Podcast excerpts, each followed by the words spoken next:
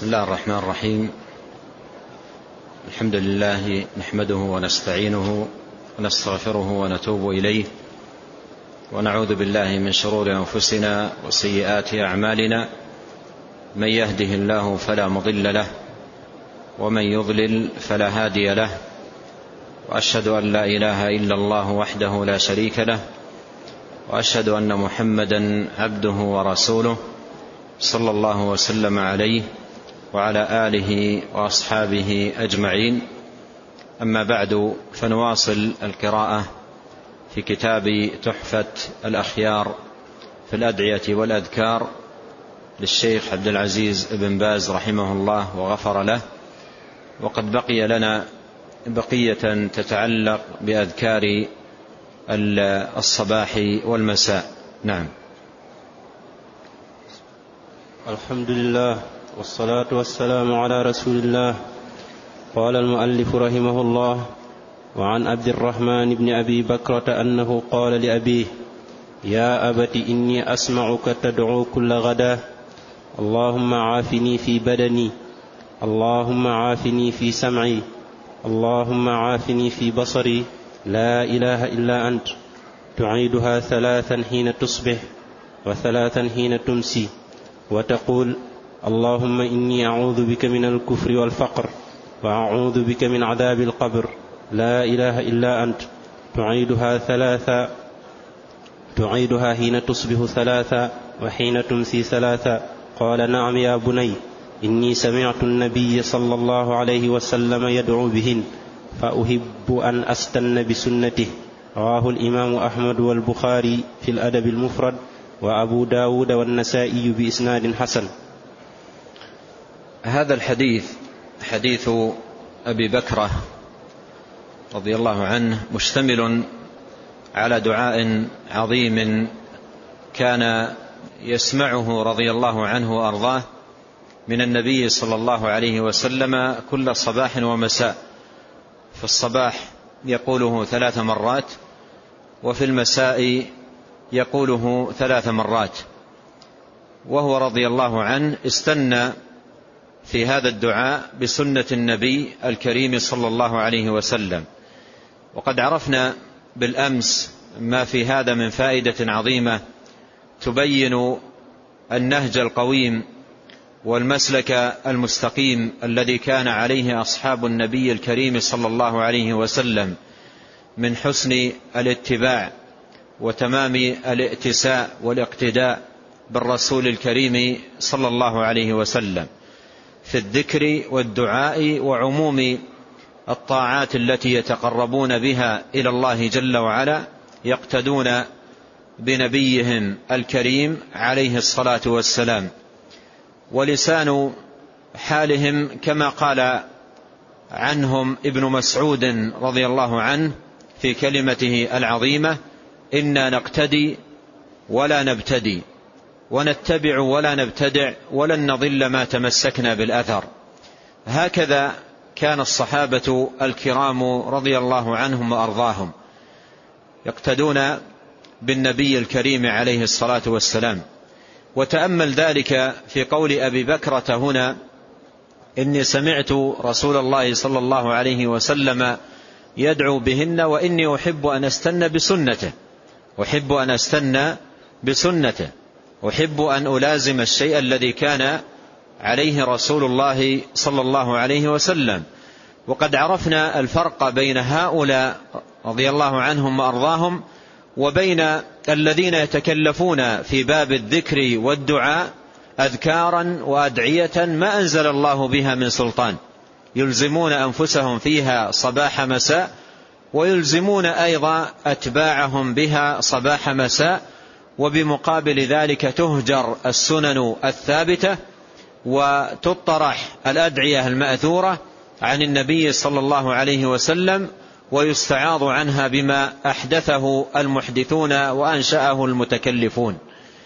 إن الواجب على المسلم أن يكون نهجه في هذا الباب وفي كل أبواب الدين هو نهج الصحابة الكرام وأن يلزم غرزهم وأن يتمسك بهديهم وبما كانوا عليه من الهدى المستبين والصراط القويم. عبد الرحمن ابن أبي بكرة رأى والده على هذه المواظبة على هذا الدعاء العظيم في الصباح والمساء. وعرفنا أيضا هنا أهمية التربية بالقدوة. أهمية التربية بالقدوة وأن الواجب على الأب أن يكون في نفسه صالحا مستقيما محافظا على طاعة الله ملازما للذكر والعبادة والدعاء. حتى ينشأ الابن وهو يرى انموذجا أمامه يأتسي به ويقتدي به.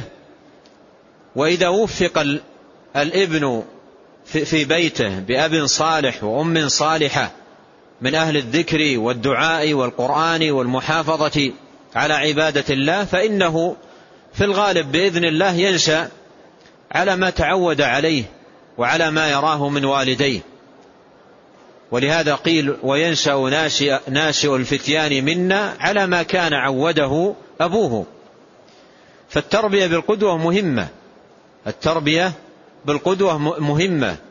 ولهذا عبد الرحمن كان يرى والده على هذه الحال الطيبة من الملازمة لهذا الذكر ثم سأله عن السبب عن ملازمته له فقال إني رأيت رسول الله صلى الله عليه وسلم يدعو بهن فأحببت أن أستنى بسنته.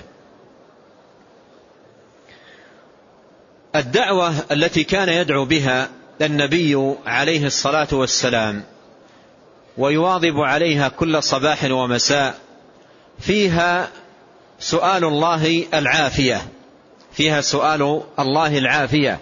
يقول اللهم عافني في بدني اللهم عافني في سمعي اللهم عافني في بصري لا إله إلا أنت. يقول ذلك ثلاث مرات في الصباح والمساء.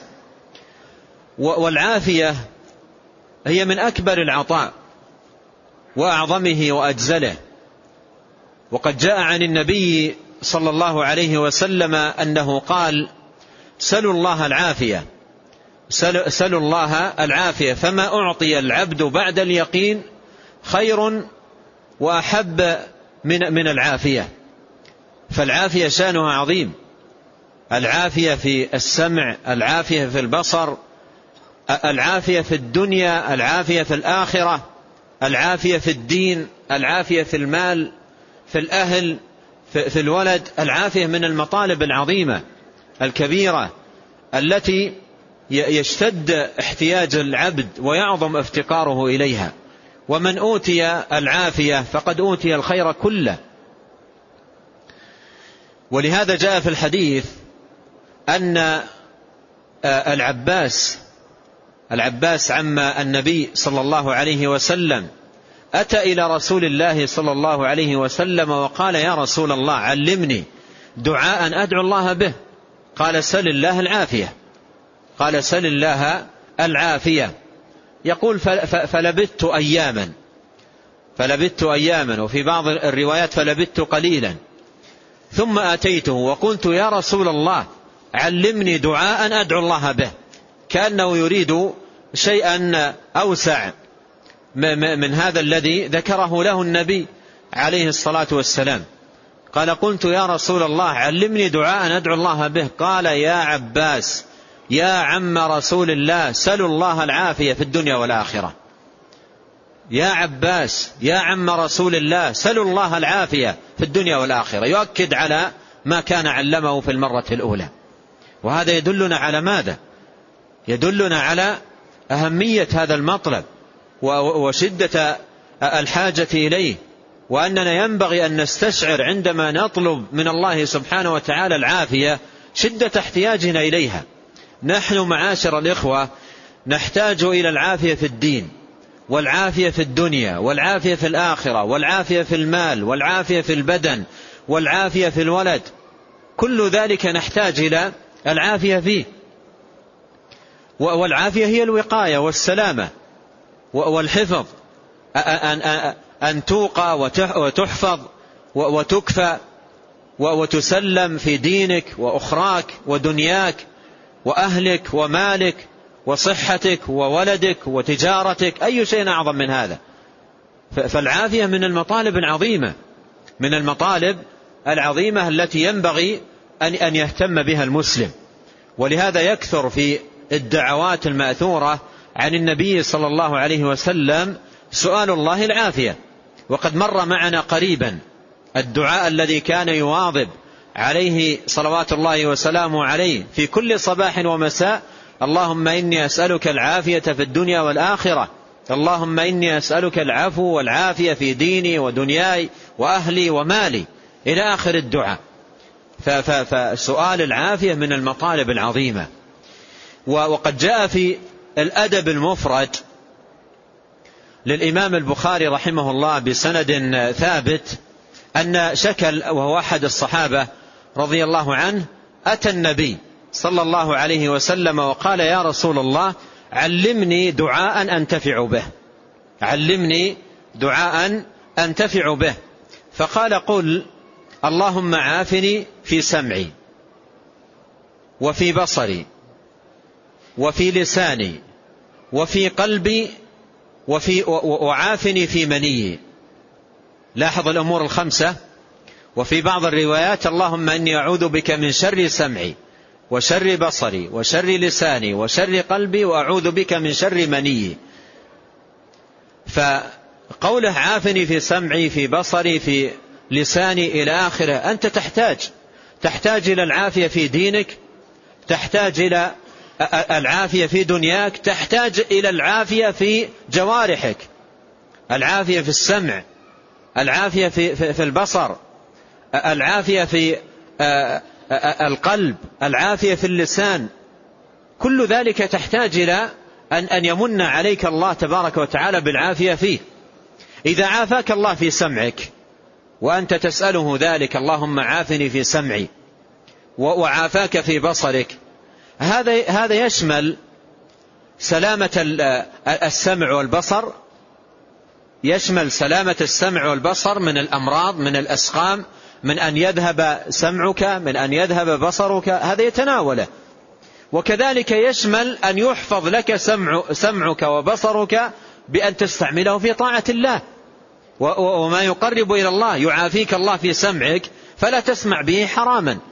ويعافيك في بصرك فلا تبصر به حراما ولا ولا تمده للنظر إلى الحرام لأن الله عافاك فيه. فسؤالك الله العافية في سمعك وبصرك يتناول العافية فيه من حيث سلامته من الأمراض والأسقام والذهاب وغير ذلك. وأيضا يشمل العافية فيه من أن تستعمله في الحرام وفيما يسخط الله تبارك وتعالى. وفي حديث شكل الذي مر قال عافني في سمعي وفي بصري وفي لساني وفي قلبي وأيضا ذكر المني. عندما يعافى الإنسان في منية وهي الشهوة عندما تثور وخاصة في هذا الزمان الذي كثرت فيه دواعي الشهوات ودواعي الحرام يحتاج الإنسان إلى أن يعافيه الله في منية. يحتاج أن يعيده الله تبارك وتعالى من شر منية لأنه إذا ثار وثارت عنده الشهوة بتماديه آه، في النظر المحرم والسماع المحرم. فهذه مصيبة عظيمة مصيبة عظيمة وبلية كبيرة. ولهذا يحتاج الإنسان إلى أن يلتجئ إلى الله تبارك وتعالى دائما أن يمن عليه بالعافية. العافية في السمع العافية في البصر العافية في القلب. القلب يمرض يمرض بالشهوات ويمرض بالشبهات. القلب يوسوس فيه الشيطان وفيه النفس الأمارة بالسوء. فإذا عافاك الله في قلبك استقام القلب. وإذا عافاك الله تبارك وتعالى في لسانك استقامت الجوارح. جاء في الحديث الصحيح أن النبي عليه الصلاة والسلام قال إذا أصبح ابن آدم فإن الأعضاء كلها تكفر اللسان. ما معنى تكفر اللسان؟ قال إن الأعضاء كلها تكفر اللسان. تقول اتق الله فينا فإنما نحن بك. فإن استقمت استقمنا وإن اعوججت اعوججنا. أرأيت عندما يعافى الإنسان في, في لسانه فلا يقول إلا القول السديد. ويعافى في قلبه ويكون قلبه على الاستقامة. الجوارح كلها تستقيم وحاله كلها تصلح. ولهذا كم يحتاج الإنسان إلى سؤال الله تبارك وتعالى بصدق والالتجاء إليه بإلحاح أن يعافيه في سمعه أن يعافيه في بصره أن يعافيه في قلبه أن يعافيه في بدنه. ولهذا كان صلوات الله وسلامه عليه كل يوم في الصباح ثلاث مرات وفي المساء ثلاث مرات يقول اللهم عافني في سمعي اللهم عافني في بصري اللهم عافني في بدني اللهم عافني في سمعي اللهم عافني في بصري. البدن يتناول الجسم كله بما فيها بما فيها البصر والسمع. البدن يتناول الجسم كله بجميع أجزائه وجميع مكوناته. ولكنه خص البصر وخص السمع مع دخولهما في العموم. لماذا؟ لأن الخطورة التي يجرها سمع الإنسان عليه. وكذلك الخطورة التي يجرها بصرها عليه كبيرة جدا. فإذا سد هذا المنفذ بأن عوفي الإنسان في سمعه فلا يسمع الأمور المحرمة الأمور التي تسخط الله جل وعلا. وعوفي في بصره فلا يمتد بصره إلى الحرام فبإذن الله تبارك وتعالى يسلم القلب. يسلم القلب. القلب تدخل عليه الواردات والخواطر مما يسمع الإنسان ومما يرى. فإذا سد هذا المنفذ وحفظ فإن القلب بإذن الله تبارك وتعالى أيضا يحفظ والبدن يحفظ. ولهذا يحتاج يحتاج العبد الحاجة الماسة إلى أن يلح على الله تبارك وتعالى أن يعافيه أن يعافيه في بدنه. أيضا يدخل تحت سؤالك الله تبارك وتعالى أن يعافيك في بدنك. يدخل, يدخل تحت ذلك المعافاة من الأمراض والأسقام التي تلحق البدن وتضر به. أيضا يشمل معافاة بدنك من أن, أن تذهب به إلى الحرام أن تمشي قدماك إلى الحرام وأن تندد يداك إلى الحرام. معافاتك في بدنك تشمل ذلك. أيضا معافاتك في بدنك تشمل أن يوفقك الله عز وجل لأن يستعمل هذا البدن في طاعة الله في فيما يقرب إلى الله تبارك وتعالى كل ذلك داخل تحت هذه الدعوة المباركة اللهم عافني في بدني اللهم عافني في سمعي اللهم عافني في بصري لا إله إلا أنت. وختم هذه الكلمة بكلمة التوحيد ختم هذه الدعوة بكلمة التوحيد التي أعظم الكلمات وأجلها على الإطلاق. وفي هذا لفتة إلى أن أساس صلاح الإنسان ومعافاته في بدنه وفي سمعه وفي بصره وفي كل أجزائه بأن يقوم على التوحيد. بأن يقوم على التوحيد بأن يستقيم على التوحيد. من لم يستقم على توحيد الله تبارك وتعالى فارقته المعافاة. من لم يستقم على توحيد الله وإخلاص الدين له تبارك وتعالى فارقته المعافاة. أين هو وأينها؟ حياته في شقاء وأخراه في شقاء إذا فارق التوحيد. لا لا يكتب له معافاة لا في حياته ولا في أخرى. لا يمكن أن, أن, أن يستقيم للإنسان حياة دنيوية ولا حياة أخروية إلا بتوحيد الله. ولهذا قال الله تعالى إن الأبرار لفي نعيم وإن الفجار لفي جحيم. قال العلماء هم في, في جحيم في دورهم الثلاثة. من يفارق التوحيد أين هو وأين المعافاة؟ فختم هذا الدعاء بكلمة التوحيد أيضا فيه لفتة إلى أن أساس المعافاة وأساس الخير وأساس السعادة أن يستقيم العبد على توحيد الله أن يصلح على توحيد الله أن يكون قوام أمره و و و وأساس أعماله وأساس أقواله توحيد الله وإخلاص الدين له تبارك وتعالى. ثم أيضا يقول في هذه الدعوة ثلاث مرات اللهم إني أعوذ بك من الكفر والفقر وأعوذ بك من عذاب القبر لا إله إلا أنت.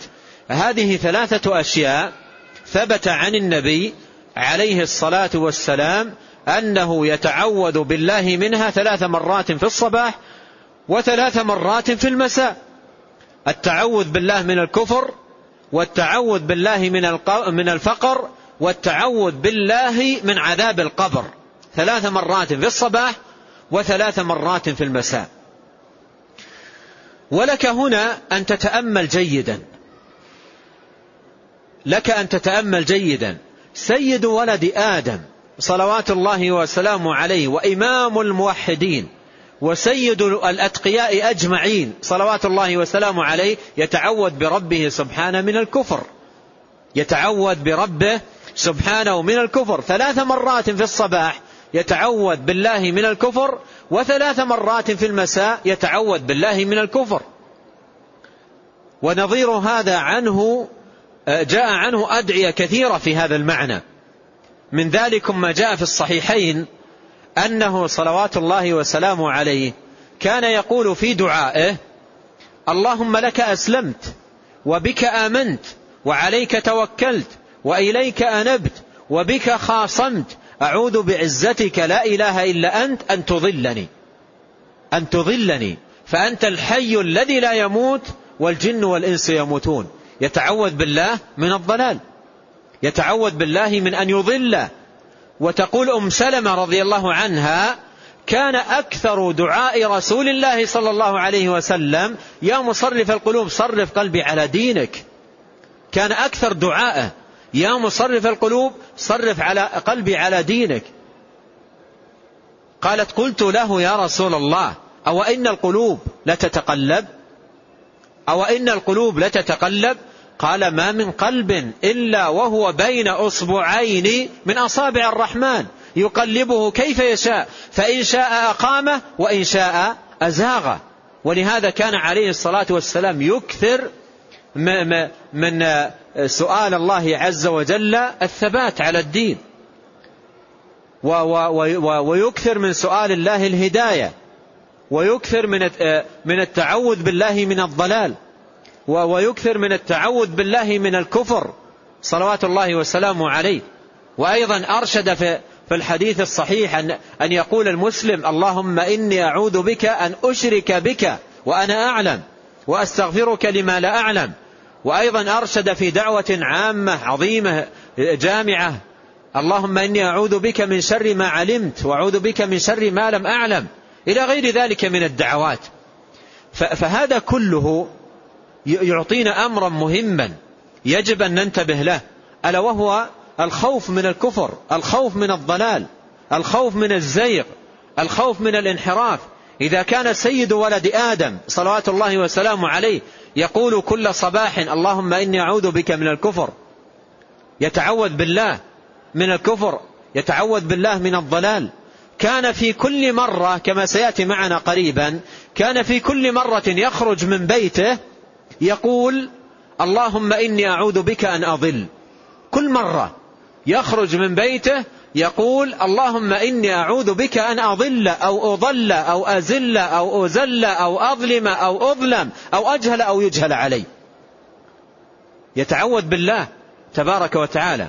هذا كله يا أخوان ماذا نستفيد منه؟ هنا مسألة عظيمة هي أكبر المسائل.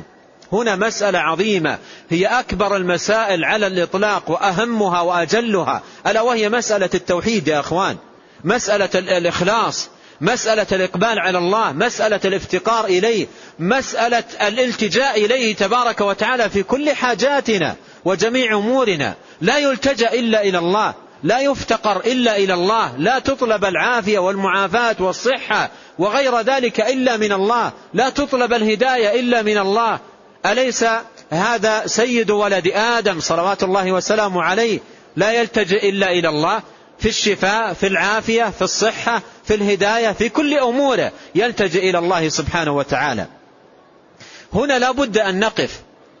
لا بد أن نقف ونقول أين عقول أقوام إذا عرضت لهم حاجة يمموا جهة القبور وذهبوا إلى الأضرحة. وذهبوا إلى أمكنة أخرى يطلبون منها ويعرضون عليها حاجاتهم. منهم من يطلب منهم صحة ومنهم من يطلب منهم عافية ومنهم من يطلب منهم هداية ومنهم من يطلب منهم أن يعيذوه من الضلال. إلى غير ذلك من الطلبات التي تعرض على غير الله والعياذ بالله. أين هؤلاء من, من, من هذا التوحيد الخالص الذي هو ظاهر أمامنا في دعوات نبينا صلوات الله وسلامه عليه؟ فهذه أكبر المسائل وأهمها على الإطلاق. افتقارك التجاؤك اعتصامك سؤالك دعاؤك طلبك كل ذلك لمن؟ لله وحده. لا, لا يلتجئ المسلم إلا إلى الله. لا, لا يطلب أي شيء من حاجاته إلا, إلا من الله تبارك وتعالى. أما النبي عليه الصلاة والسلام وغيره من الخلق لا يملكون شيئا. لا يملكون شيئا. الله تبارك وتعالى قال له في القرآن ليس لك من الأمر شيء. وقال عليه الصلاة والسلام يا فاطمة بنت محمد سليني من مالي ما شئت. لا أغني عنك من الله شيئا. الأمر لله والالتجاء إلى الله سبحانه وتعالى. ومن أراد الهداية فليطلبها ممن؟ من الله سبحانه وتعالى. كان صلوات الله وسلامه عليه يعلم أصحابه في في دعاء القنوت. اللهم اهدني في من؟ هديت عافني في من؟ عافيت وتولني في من؟ توليت إلى آخره. فهذا هذا أهم مطلب وأهم مقصد أن أن يكون العبد مفتقرا إلى الله سبحانه وتعالى وحده ملتجئا إليه دون سواه.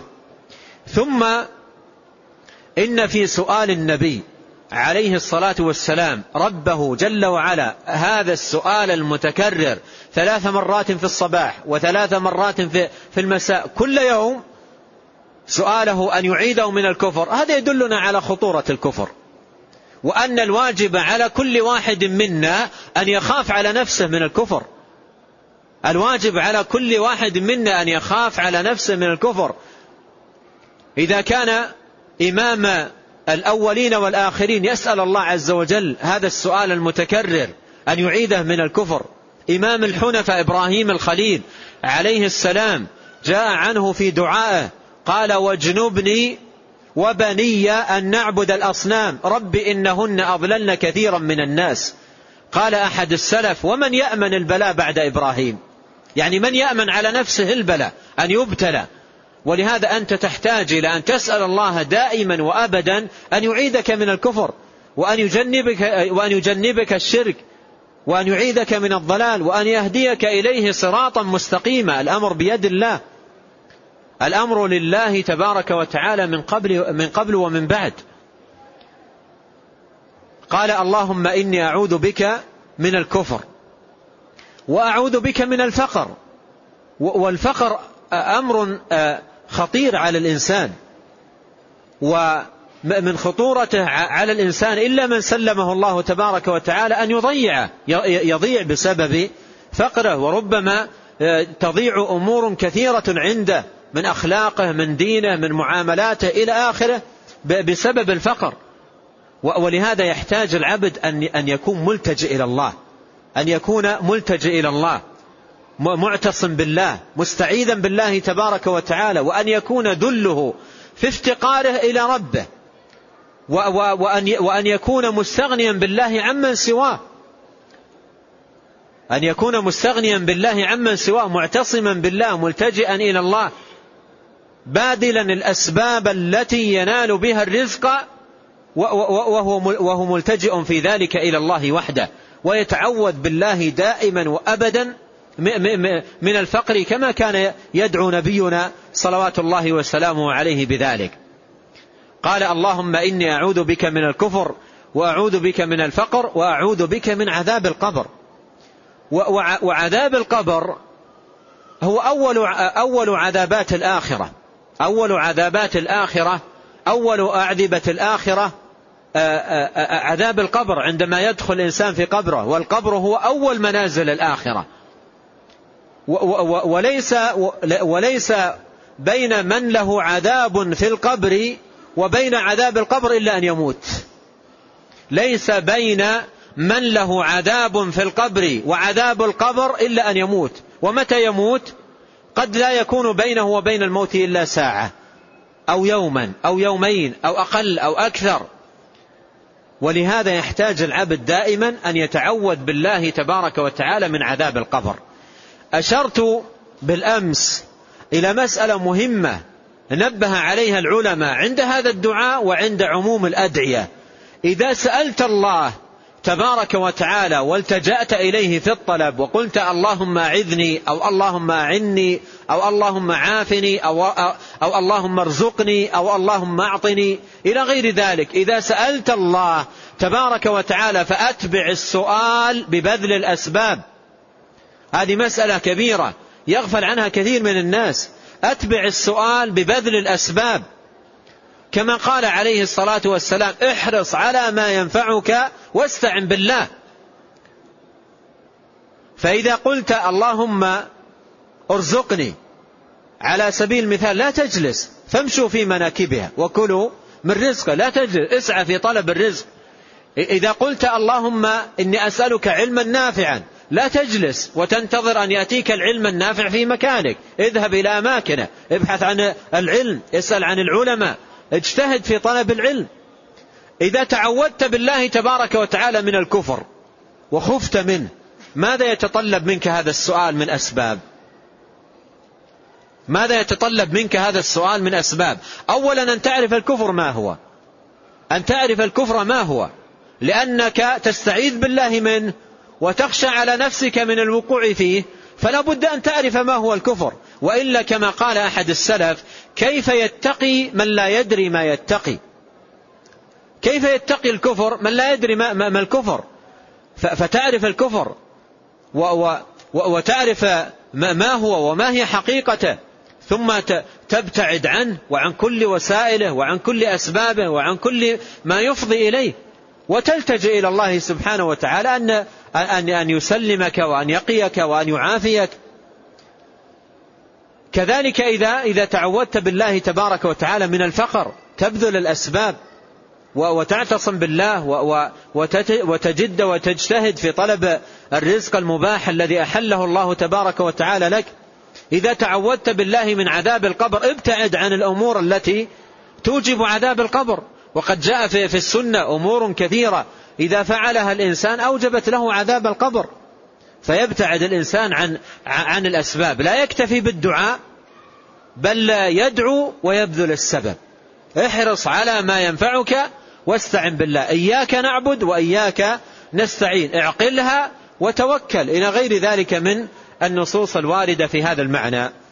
قال اللهم إني أعوذ بك من الكفر والفقر وأعوذ بك من عذاب القبر لا إله إلا أنت. وأيضا في الختم هنا بكلمة التوحيد دلالة على أن كلمة التوحيد أساس النجاة وأساس الخير وأساس البركة وأساس السلامة من من الضلال والزيغ والانحراف. فلا إله إلا الله هي أكبر النعم وهي جلابة النعم وجلابة الخير للعبد في في دنياه وفي أخراه. فهذه دعوة عظيمة كان صلوات الله وسلامه عليه يواظب عليها ثلاث مرات إذا أصبح وثلاث مرات إذا أمسى. قال رحمه الله ويشرع لكل مسلم ومسلمة أن يقول في صباح كل يوم لا إله إلا الله وحده لا شريك له. له الملك وله الحمد وهو على كل شيء قدير. مئة مرة. حتى يكون في هرز من الشيطان يومه ذلك حتى يمسي. لما تقدم في الصحيحين من حديث أبي هريرة رضي الله عنه عن النبي صلى الله عليه وسلم أنه قال من قال لا إله إلا الله وحده لا شريك له له الملك وله الحمد وهو على كل شيء قدير في يوم مئة مرة كانت له عدل عشر رقاب وكتبت له مئة حسنة ومحيت عنه مئة سيئة وكانت له هرزا من الشيطان يومه ذلك حتى يمسي ولم يأت أحد بأفضل مما جاء به إلا رجل عمل أكثر من ذلك. ومن قال سبحان الله وبحمده في يوم مئة, مرة حطت خطاياه ولو كان مثل زبد البحر. ثم ذكر الشيخ رحمه الله ما يتعلق بقول لا إله إلا الله وحده لا شريك له له الملك وله الحمد وعلى كل شيء قدير. وأشار إلى الحديث الذي في الصحيحين وأشار إلى أنه تقدم والحديث تقدم معنا في فضائل الأذكار في مقدمة هذا الكتاب وأيضا مر معنا الكلام عليه. لكنني أشير هنا إلى إلى فائدة نبه عليها الشيخ رحمه الله وهي قوله ويشرع لكل مسلم ومسلمة أن يقول صباح كل يوم. أن يقول صباح كل يوم. إذا قرأت الحديث تجد أنه قال من قال من قال ذلك في يومه. من قال لا إله إلا الله وحده لا شريك له مئة مرة. نعم في يوم مئة مرة. من قالها في يوم مئة مرة. يعني لم يقيد بصباح ولا مساء. لكن أهل العلم استحبوا أن, أن تقال لا إله إلا الله وحده لا شريك له مئة مرة لأسباب عديدة من أهمها المبادرة والمسارعة إلى الخيرات. فإذا كان هذا يقال في, في, في اليوم فإنني أبادر به وأسارع إليه من أول اليوم. والأمر الثاني أن هذا الحديث يترتب عليه فضائل في يوم الإنسان كله من ضمنها أن يحفظ ويوقى من الشيطان. أن يحفظ وأن يوقى من الشيطان يومه. وهذا مطلب يحتاج إليه, يحتاج إليه الإنسان في يومه كله. ولهذا يستحب للمسلم أن يأتي بهذه التهليلات المباركة مئة مرة إذا أصبح. إذا أصبح يبادر إليها ويسارع إليها ويجعلها من ضمن الأذكار الراتبة التي يواظب عليها كل صباح. نعم. قال رحمه الله فصل فيما يقال عند دخول المنزل. عن جابر بن عبد الله رضي الله عنهما قال سمعت رسول الله صلى الله عليه وسلم يقول إذا دخل الرجل بيته فذكر الله تعالى عند دخوله وعند طعامه قال الشيطان لا مبيت لكم ولا عشاء. وإذا دخل فلم يذكر الله تعالى عند دخوله قال الشيطان أدركتم المبيت. وإذا لم يذكر الله تعالى عند طعامه قال أدركتم المبيت والعشاء رواه مسلم. ثم عقد المصنف رحمه الله هذا الفصل في في بيان ما يستحب للمسلم أن يقوله عند دخول المنزل. ما ما يستحب للمسلم أن يقوله عند دخول المنزل. وفي الجملة الذي يستحب للمسلم أن يقوله عند دخول المنزل أن يبسمل عند الدخول. أن يقول عند دخوله مع باب البيت أو باب المنزل بسم الله. وأن يكثر داخل بيته من ذكر الله. وأن يسلم سواء كان في البيت أحد أو لم يكن فيه أحد كما سيأتي في الحديث. فيستحب له البسملة عند الدخول أن يقول بسم الله وإذا دخل أن أن يجتهد في الإكثار من ذكر الله تبارك وتعالى في بيته قد جاء في الحديث في صحيح البخاري عن النبي صلى الله عليه وسلم أنه قال مثل البيت الذي يذكر فيه الله والبيت الذي لا يذكر فيه الله مثل الحي والميت. فيشرع للمسلم أن يكثر من ذكر الله تبارك وتعالى في بيته. وعند الدخول أيضا يلقي السلام. يلقي السلام سواء كان في البيت أحد أو لم يكن فيه أحد. أورد هنا أولا حديث جابر بن عبد الله رضي الله عنهما أنه سمع النبي صلى الله عليه وسلم يقول إذا دخل الرجل بيته فذكر الله تعالى عند دخوله وعند طعامه قال الشيطان لا مبيت لكم ولا عشاء. وإذا دخل فلم يذكر الله تعالى عند دخوله قال الشيطان أدركتم المبيت؟ وإذا لم يذكر الله تعالى عند طعامه قال أدركتم المبيت والعشاء. فهذا يدل على مشروعية الله على مشروعية ذكر الله تبارك وتعالى عند الدخول. بأن تقول عندما تدخل بسم الله تسمي. عند أن تقول عندما تدخل بسم الله تسمي الله تبارك وتعالى. ف وبسم الله الباء فيها باء الاستعانة أي أدخل مستعينا بالله والجار والمجرور في قولك بسم الله هنا في هذا الموضع أي أدخل لأنه متعلق بمحذوف تقديره أدخل. وإذا سميت عند الطعام فإن تقدير الجار والمحذوف تقدير المحذوف أي آكل وأطعم. فبسم الله أدخل وبسم الله آكل أي مستعينا بالله ملتجئا إليه معتصما به. فإذا سمى عند دخوله وسمى عند عند طعامه انقمع الشيطان واندحر وابتعد عن عن عن الإنسان وقال لرفقائه لا, لا طعام لكم ولا مبيت. لا طعام لكم ولا مبيت. ولهذا من لا يسمي عند دخوله البيت. ومن لا يسمي عند تناوله الطعام كأنه يضيف الشياطين معه في بيته. نعم يا إخوان كأنه يضيف الشياطين معه في بيته. شعر بذلك أو لم يشعر؟ أليس الشيطان يقول لرفقائه أدركتم المبيت؟ أليس أيضا الشيطان يقول لرفقائه أدركتم الطعام؟ فكأنه يضيفهم بتركه للتسمية كأنه يضيفهم معه في بيته في طعامه وفي شرابه. وفي القرآن الكريم يقول الله تعالى وأجلب عليهم بخيلك ورجلك وشاركهم في الأموال والأولاد وعدهم وما يعدهم الشيطان إلا غرورا إن عبادي ليس لك عليهم سلطان. ذكر العلامة ابن سعدي رحمه الله في تفسير هذه الآية أن أكثر المفسرين ذكروا هذا الحديث حديث الباب عند هذه الآية. أن أكثر المفسرين ذكروا هذا الحديث حديث جابر عند هذه الآية. بمعنى أن من سمى الله عند الدخول فهو من القسم الثاني. إن عبادي ليس لك عليهم سلطان.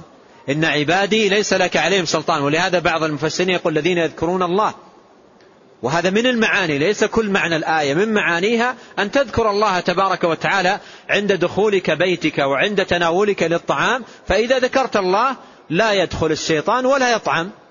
لا يدخل الشيطان بيتك ولا يطعم طعامك. لكن من لا يسمي تحصل المشاركة؟ قال وشاركهم في الأموال والأولاد. إذا لم يطعم الإنسان إذا لم يسمي الإنسان عند دخوله لبيته ولم يسمي عند عند تناوله لطعامه ولم يسمي أيضا عند معاشرته لأهله. تحصل المشاركة. وشاركهم في الأموال والأولاد ووعدهم ولهذا يحتاج المسلم أن يحافظ على هذه التسمية محافظة تامة. بسم الله. عند الدخول عند دخول البيت يعود نفسه. وإذا, وإذا كان معه أولاده الصغار يعودهم ويسمعون منهم ويسمعون منه التسمية بسم الله حتى يعتاد الجميع الدخول البيت مبسملين ولا يكون للشيطان دخول. وكذلك عند الطعام يسمي يقول بسم الله. فبهذه التسمية لا تحصل المشاركة. وبدون التسمية يحصل ما, ما جاء في الآية وشاركهم في الأموال والأولاد وعدهم وما, وما يعدهم الشيطان إلا غرورا. قال إذا دخل الرجل بيته فذكر الله عند دخوله وعند طعامه. قال الشيطان لا مبيت لكم ولا عشاء. لا مبيت لكم ولا عشاء. أي لا يحصل له هذه المشاركة لا في, لا في دخول البيت أصلا ولا في مشاركة الإنسان في, في طعامه. وإذا دخل فلم يذكر الله تعالى عند دخوله قال الشيطان أدركتم المبيت. قول, قول الشيطان أدركتم المبيت كأنه يعلن لأتباعه ولرفقائه. يعلن لهم الماذا؟ يعلن لهم القدوم والمشاركة. كأن يقول هذا بيت لم يسمى المجال مفتوح. كأن يقول لهم هذا بيت لم يسمى لم يذكر اسم الله فيه المجال مفتوح. ويدعوهم. يدعوهم يدعو البعيد منهم القريب. قال قال الشيطان أدركتم المبيت. وإذا لم يذكر الله تعالى عند طعامه قال أدركتم المبيت والعشاء. فأفاد هذا الحديث على أن, أن, العبد يتأكد عليه أن يحافظ على التسمية عند الدخول. وهي كلمة يسيرة بسم الله. تقولها عند دخولك وبسم الله تقولها عند تناولك للطعام. قال رحمه الله وعن أبي مالك العشعري رضي الله عنه قال قال رسول الله صلى الله عليه وسلم إذا ولج, إذا ولج الرجل بيته فليقل اللهم إني أسألك خير المولج وخير المخرج. بسم الله ولجنا وبسم الله خرجنا وعلى الله ربنا توكلنا. ثم ليسلم على أهله. خرجه أبو داود بإسناد حسن. ثم أورد آه، آه، آه، الشيخ رحمه الله هذا الحديث وحسن إسناده حديث أبي مالك الأشعري رضي الله عنه. قال قال رسول الله صلى الله عليه وسلم إذا ولج الرجل بيته يعني إذا دخل والولوج هو الدخول فليقل اللهم إني أسألك خير المولج وخير المخرج. خير المولج. هذه هذه كلمة جامعة. لكل خير يرغب به العبد أن يكون في بيته عند ولوجه فيه. وتحت, وتحت خير المولج يدخل معاني الخير كله الذي يرغب الإنسان أن, أن يحصله في بيته. فيسأل الله خير المولج أي خير ما, ما يناله في ولوجه لبيته تحت هذا المعنى أو تحت هذا المطلب يدخل أشياء كثيرة ما يتعلق بخلق الأهل وحسن التعامل ما يتعلق بالأولاد ما يتعلق بالبيت إلى غير ذلك من المعاني كلها داخلة تحت هذا الخير الذي يطلب هنا خير المولج. وخير المخرج. أيضا يسأل الله عز وجل أن يوفقه إذا خرج من البيت أن يخرج إلى إلى خير وأن لا يخرج إلى إلى شر وبلاء. قال اللهم إني أسألك خير المولج وخير المخرج. بسم الله ولجنا وبسم الله خرجنا. بسم الله ولجنا أي مستعينين به ملتجئين إليه لأن الباء باء الاستعانة.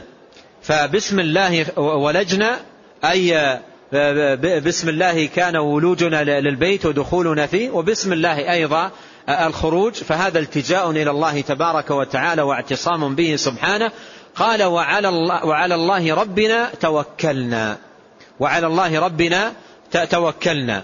والتوكل هو الاعتماد على الله عز وجل وتفويض الأمور إليه وهو من أجل العبادات وأعظمها وسيأتي كلام عن, عن, عن معناه قريبا في الدعاء الذي يقال عند الخروج من المنزل.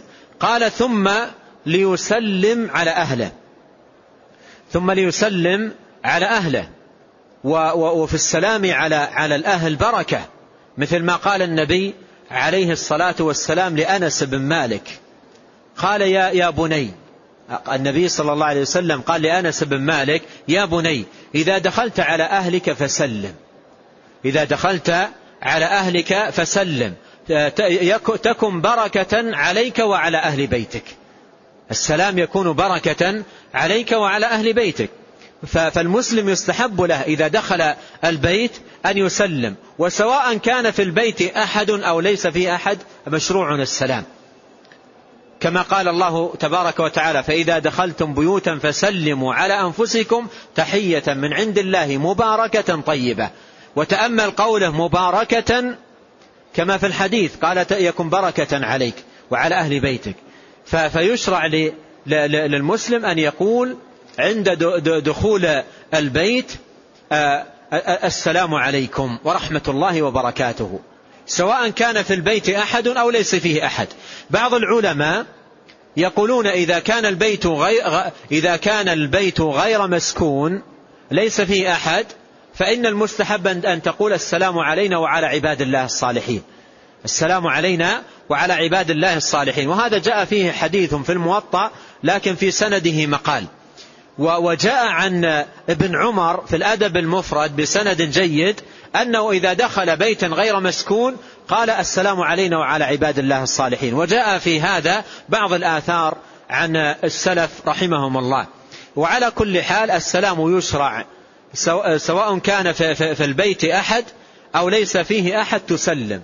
تقول السلام عليكم ورحمة الله وبركاته أو إذا كان في آه، ليس في أحد تقول كما كان بعض السلف يقول السلام علينا وعلى عباد الله الصالحين أو تقول السلام عليكم ورحمة الله وبركاته تلقي السلام. تلقي السلام وفي السلام بركة وفي السلام بركة وهو تحية من عند الله طيبة كما وصفها الله تبارك وتعالى بذلك. خلاصة الكلام أن الدخول للبيت يستحب للمسلم فيه أشياء من جهة أو في في موضوع الأذكار أن يسمي عند الدخول أن يسمي عند الدخول وأن يكثر من ذكر الله تبارك وتعالى في, في البيت وأن يسلم على على أهله وعلى من في البيت وإن لم يكن في البيت أحد يلقي السلام فالسلام خير وبركة. فهذه جملة ما يستحب للمسلم عند دخوله البيت. في حاشية النسخة التي معي أشار المحقق في تخريجه لهذا الحديث إلى السلسلة الصحيحة للشيخ الألباني رحمه الله. والشيخ الألباني رحمه الله كان يصحح هذا الحديث كما في آه، صحيح الكلم الطيب وكما في السلسلة الصحيحة. ثم في فيما بعد تراجع عن تصحيحه للحديث. فالمناسب أن يكون في, في, في الإحالة تحقيق القول عنده رحمه الله. لا يحال إلى إلى شيء تراجع عنه رحمه الله. نعم. قال رحمه الله فصل فيما يقال عند الخروج من المنزل إلى المسجد أو غيره. عن أنس بن مالك رضي الله عنه قال قال رسول الله صلى الله عليه وسلم من قال إذا خرج من بيته بسم الله توكلت على الله لا حول ولا قوة إلا بالله يقال له حينئذ كفيت ووقيت وهديت وتنحش وتنحى عنه الشيطان فيقول للشيطان آخر كيف لك برجل قد هدي وكفي ووقي؟ رواه أبو داود والنسائي والترمذي بإسناد حسن. ثم عقد الشيخ رحمه الله هذا الفصل فصل فيما يقال عند الخروج من المنزل إلى المسجد أو غيره.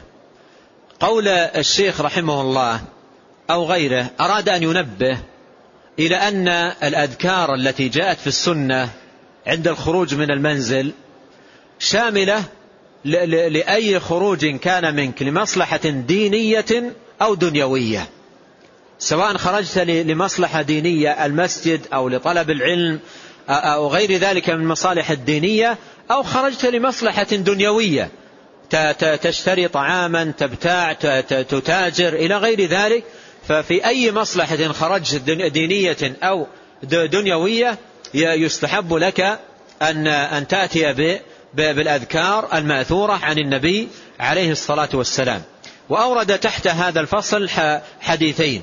الحديث الأول حديث أنس بن مالك رضي الله عنه قال قال رسول الله صلى الله عليه وسلم من قال إذا خرج من بيته بسم الله توكلت على الله لا حول ولا قوة إلا بالله. تأمل هذه الكلمات الثلاث التي يستحب لك أن تقولها عندما تخرج من بيتك. بسم الله توكلت على الله لا حول ولا قوة إلا بالله. هذه الكلمات الثلاث تشترك في أمر واحد. تشترك هذه الكلمات في أمر واحد. ألا وهي أنها كلمات ماذا يا أخوان؟ استعانة. كلها كلمات استعانة. كلمات فيها طلب العون. البسملة طلب عون. قولك توكلت على الله طلب عون. قولك لا حول ولا قوة إلا بالله طلب عون. فهي كلمات ثلاث تشترك في أنها كلمات استعانة تطلب فيها عون الله تبارك وتعالى. لعلك هنا تستفيد فائدة عظيمة. ألا وهي أن أي مصلحة دينية أو دنيوية ترجوها لن تحصل لك إلا بماذا؟ إلا بعون الله. لن تحصل لك إلا بعون الله. إن لم يعنك الله لا تحصل. سواء عبادة أو, أو, أو تجارة أو أي أمر كان لا يمكن أن يحصل لك إلا إذا عانك الله. ولهذا يستحب لك أن تستعين بالله عندما تخرج. لأي حاجة من حاجاتك الدينية والدنيوية أن تستعين بالله. بسم الله. توكلت على الله لا حول ولا قوة إلا بالله. بسم الله عرفنا أنها كلمة استعانة والباء في بسم الله باء الاستعانة. وقولك بسم الله عند الخروج أي بسم الله أخرج. بسم الله أخرج أو بسم الله خرجت من بيتي مستعينا به ملتجئا إليه. وقولك توكلت على الله أي إنني في خروجي معتمد على الله مفوض أمري إلى الله. وما توفيقي إلا بالله عليه توكلت أفوض أمري إلى الله. أستمنح منه التوفيق أستمنح منه الإعانة أستمنح منه الهداية أستمنح منه الإصابة توكلت على الله فوضت أمري إلى الله والتوكل عبادة قلبية هي من أجل العبادات وأعظمها. قال توكلت على الله لا حول ولا قوة إلا بالله وهذه كلمة استعانة. لا حول ولا قوة إلا بالله أي لا تحول من حال إلى حال ولا حصول قوة للعبد يقوم بها بجلب مصالحه. الدينية والدنيوية إلا بالله تبارك وتعالى. فهي كلمة استعانة. كلمة استعانة. وقد نبهت فيما سبق أن كثير من من العوام يستخدمها في الاسترجاع. وهي كلمة استعانة. يستحب لك أن تقولها عندما تقدم. على أي مصلحة من المصالح الدينية والدنيوية أن تطلب عون الله عز وجل. ولهذا شرع لنا أن نقولها عندما نسمع المؤذن في, في, النداء يقول حي على الصلاة حي على الفلاح. يشرع لنا أن نقول لا حول ولا قوة إلا بالله. أي اللهم عنا. فهي طلب عون لا حول ولا قوة إلا بالله طلب عون من الله.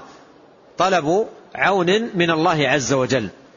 إذا قال المسلم عند خروجه من بيته بسم الله توكلت على الله لا حول ولا قوة إلا بالله. يقال له حينئذ يحتمل أن الذي يقول ذلك الله مثل ما قال ذلك بعض الشراح ويحتمل أن يقول ذلك ملك من الملائكة. يقال له يقال له حينئذ كفيت ووقيت وهديت. كلمات ثلاث تقال له. هي تقال له ولا يسمعها لكنه على يقين أنها تقال. لماذا؟ لأن الذي أخبر بذلك الصادق المصدوق عليه الصلاة والسلام فهو, فهو يقول بسم الله توكلت على الله ولا حول ولا قوة إلا بالله وهو على يقين أنه يقال له هديت وكفيت ووقيت.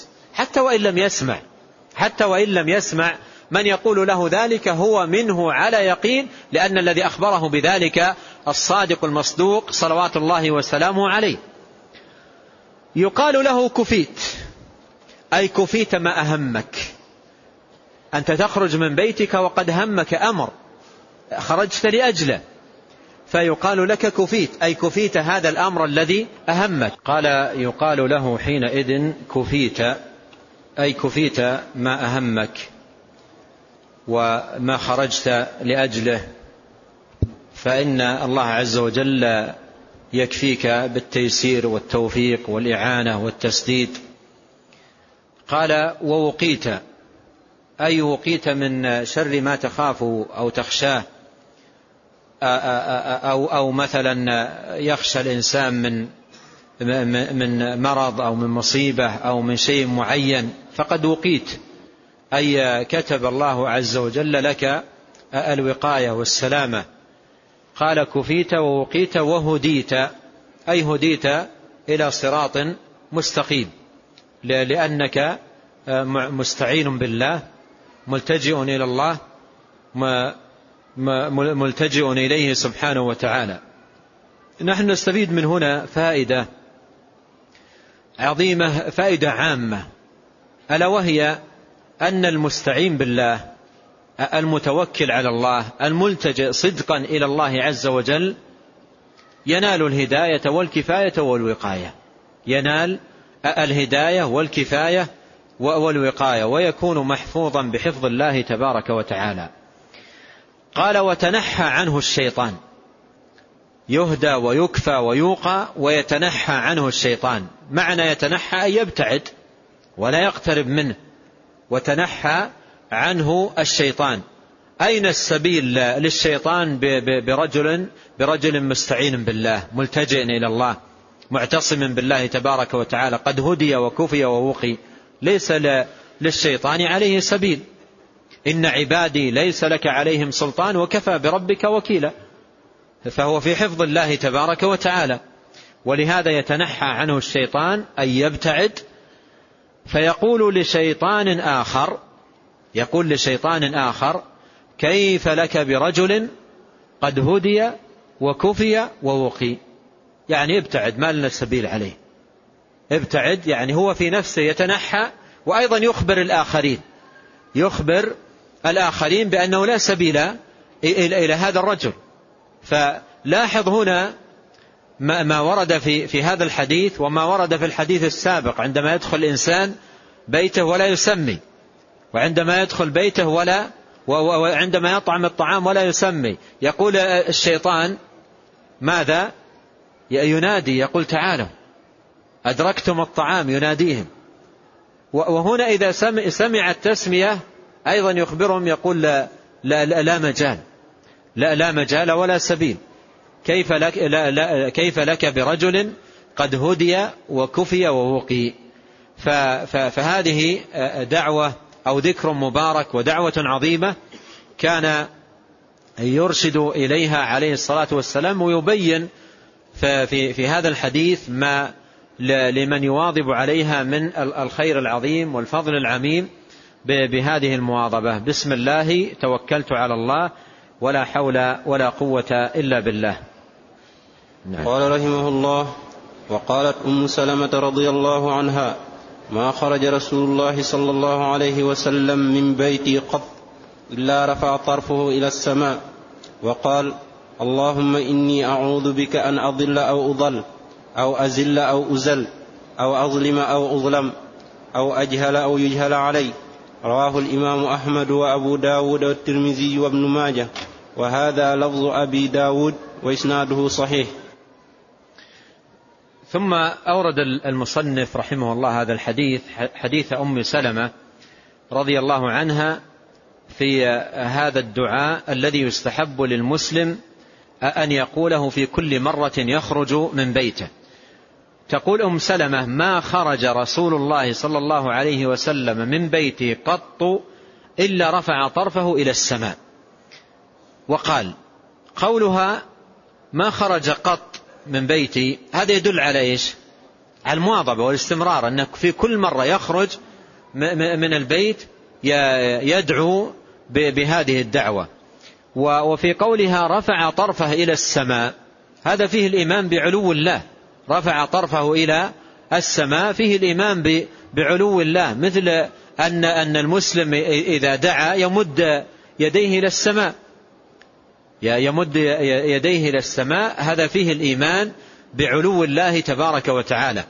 قال إلا رفع طرفه إلى السماء. وقال اللهم إني أعوذ بك أن أضل أو أضل أو أزل أو أزل أو أظلم أو أظلم أو أجهل أو يجهل علي.